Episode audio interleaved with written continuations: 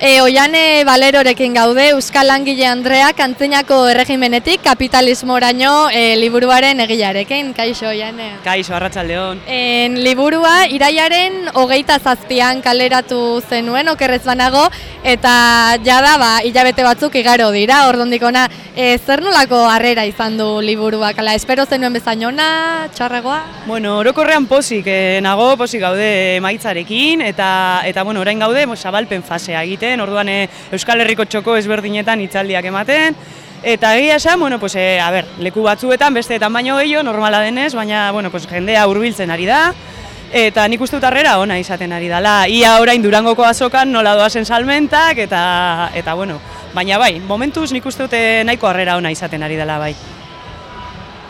Bueno, liburuan zapalkuntza irukoitzaren hiru termino ez mintzo zara, zeintzuk dira eta zemotatako eragina izan duten emakume, euskal langile emakumeen bizitzan?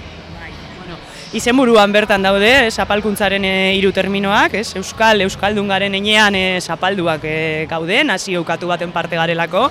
E, langile garen enean, e, bueno, pues, e, klase sozial zapalduaren parte garabe bai, Eta gero, bueno, pues, sexu generoa emakume garen enean, sexu genero sistema zapaltzailea eta patriarkatuan oinarriturikoa ere e, bueno, pues, pairatzen dugu, ez? Eta hortik dator, bueno, pues, apalkuntza irukoitzaren teorizazio hori, Euskal feminismoak e, garatu zuena irurogeta margarren amarkadatik aurrera, batez ere Iparre Euskal Herrian eta gero e, bueno, pues, zabaldu izan zana.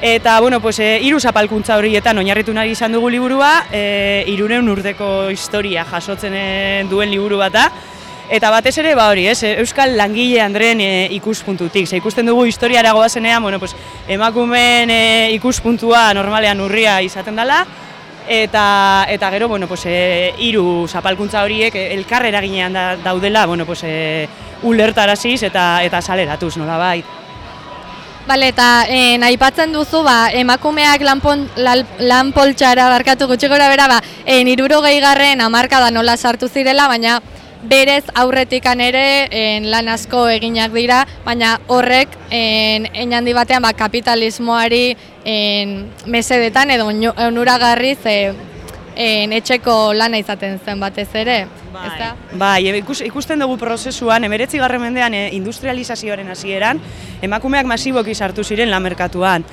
Baina gero, bueno, pues, kapitala bera konturatu zen e, etekin gehiago ateratzen zuela, ez, etxeko lanak ezinbestekoak zirela, eta norbaitek egin behar zituela.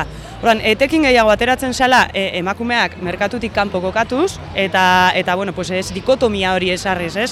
Gurea izango da, ez lan hori, eta eta gizonezko na izango da, bueno, pues soldatapeko lanaren e, bueno, pues ardura etxera ekartzea duen hori, ez?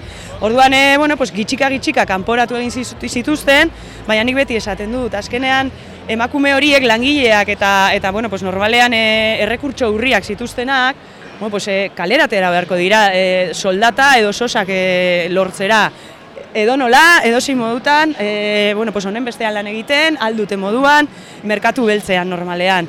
Orduan hor dago trampa, ez? Azkenean e, etxeko lanak emakumezkoek egiten zituzten, e, soldatapeko lanak gizonezkoentzako gordeta zegoen, baina e, emakume langile horiek soldatapeko lanera e, behartuak zeuden nola bai, baina beti, bueno, pues, soldata basuak e, zituztenen lanpostuak eta eta bueno, pues, merkatu beltzean, ez? E, lan baldintzak askarragoekin eta bueno, pues, horrek dakarren guztiarekin lan erreproduktibo eta, repro, eta produktibo termino berriak dira, baina aplikagarriak dira emakume langilearen bizitzan, euskal emakume langilearen bizitzan.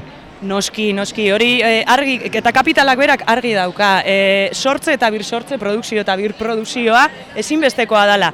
E, bai, e, etorkizuneko lanindarra sortzeko, baina bai sistema bera erreproduzitzeko ere. Orduan horretan, e, arretan dia jarri du. Eta zer egin du, bueno, pues, e, bir sortze lan guzti horiek, bueno, pues, emakumei egokitu e, dizkigu, eta eta sortze edo produkzio lan horiek, bueno, pues, gizonezko entzat erreserbatu ditu. Eta hor dago dikotomia, eta bueno, pues, hor dago dago merkatuaren segregazioa, ez? Guretzako lan batzuk e, erreserbatuak dituenak eta eta gizonezkoentzako beste lan batzuk. Eta esaterako ba, eh aipatu duzun bezala gizonezkoantzako lan batzuk erreserbatuak egoteak emakumeak lan mundura sartu zirenean gizonezkoen en, ba, postu hori nolabait esateko murriztu egintzen emakumeak sartzeare sartzeatikan bakar bakarrikan. Bai, eta gero, bueno, pues, e, soldatak ere debaluatu egin ziren, ez? Nolabait, e, bueno, pues, e, gu pres baldin gaude gure baldintzak eta gure goera e, pertsonal eta sozialagatik e, lan berdina egiteko e, diru e, kantitate gitxiagoren, e, gaur egun oso ondo ikusten dugu adibidez etorkinekin, ez? Nik ez badut egiten, beste norbaitek egingo du. Orduan, e, bueno, pues emakumeekin bebai berdina gertatu zen, eta gizonezkoek nola ere, e, bueno, pues ez zuten erakutsi oso jarrera baikorra, ez? E, bueno, ikusten zutelako, bueno, pues, haien lanpostuak kentzera edo e, etorri ginela. Eta hori, bueno, pues, e, badinotzuz, e, kapitalismoak baditu e, baliabideak pues, e, erreproduzitzeko eta luzerako gainera, ez badugu ezer egiten, hori gure esku dago. Baina, baina bai, hori ikusten dugu, ez? Azkenean, bueno, pues, e, lan guzti horiek gaur egun etorkinek betetzen dituztela, bueno, pues, lan baldintzak askarrenetan eta eta piramidearen e, bekaldean, azkenean. Hala ere, aipatzen duzu, kapitalismoaren eta sexu eta genero zapalkuntzaren arteko erlazioa simplifikatzen ez dela uste dugun bezain estua, ez da? Eh, ez dut ulertu oso ondo. Vale. Normala, ze planteatzean, bai, eh, solasaldian aipatu duzu, bai. kapitalismorik gabe, genero eta sexu zapalkuntza oraindik existituko lukela. Bai, a ber, e, generoan oinarrituriko zapalkuntza kapitalismoa baino zaharragoa da. Esan dezakegu neolitoan, bai, nekasaritzaren e, e, eta bueno, pues, jabetza pribatuaren e, sorrerarekin e, sortuko da patriarkatua eta eta hortik aurrera emakumeek zapalkuntza pairatuko dugu. Baina ikusten duguna da hori kapitalismoak nolabait negozio hori biribildu egingo duela. Forma emango diola, eta eta bueno, pues etekin ekonomiko ikaragarria aterako duera hortik. Orduan eh bueno, pues zaharragoa zen e, zapalkuntza batetatik abiatuta, bueno, pues egiten du sistema oso baten e, eraketa, sexu segregazioan oinarrituta eta bueno, soldatapeko lanean ere bai, eh, noski, soldatapeko lan ezinbestekoa da kapitalismoarentzako. En lehen argazketan erakutsi duzun bezala, en, bueno, en, emakumeek eta egiten zituzten lanak e, bastante gogorrak izate zirela, ba, kamioietatik jisten ziren kargazko lana, karga fisikoak nolabit esateko ba, gizonek bete beharko lituztenak, ala esan dezun bezala animaliak ere betetzen zituzten lanak egiten zituztela, eta horrek nolabaiteko en, nola, nola esaten da, ba, apurketa edo...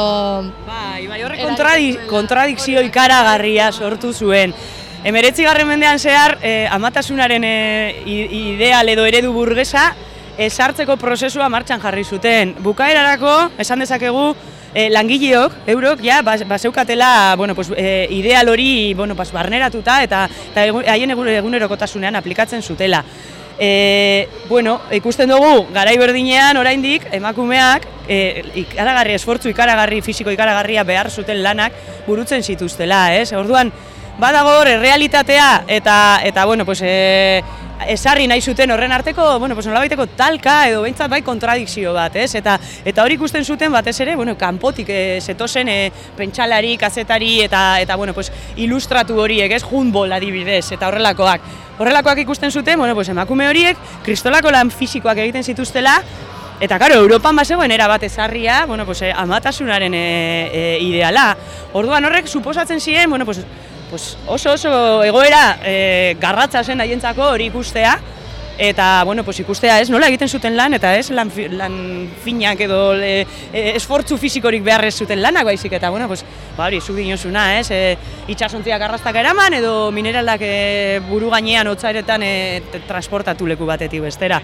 Orduan, bueno, pues horrek erakusten digu ere, betidanik e, egin dutela lan, e, langileak direnak, lan, lan egitera, e, behartuak egon dira biziraupena bermatzeko hori argi eta garbi.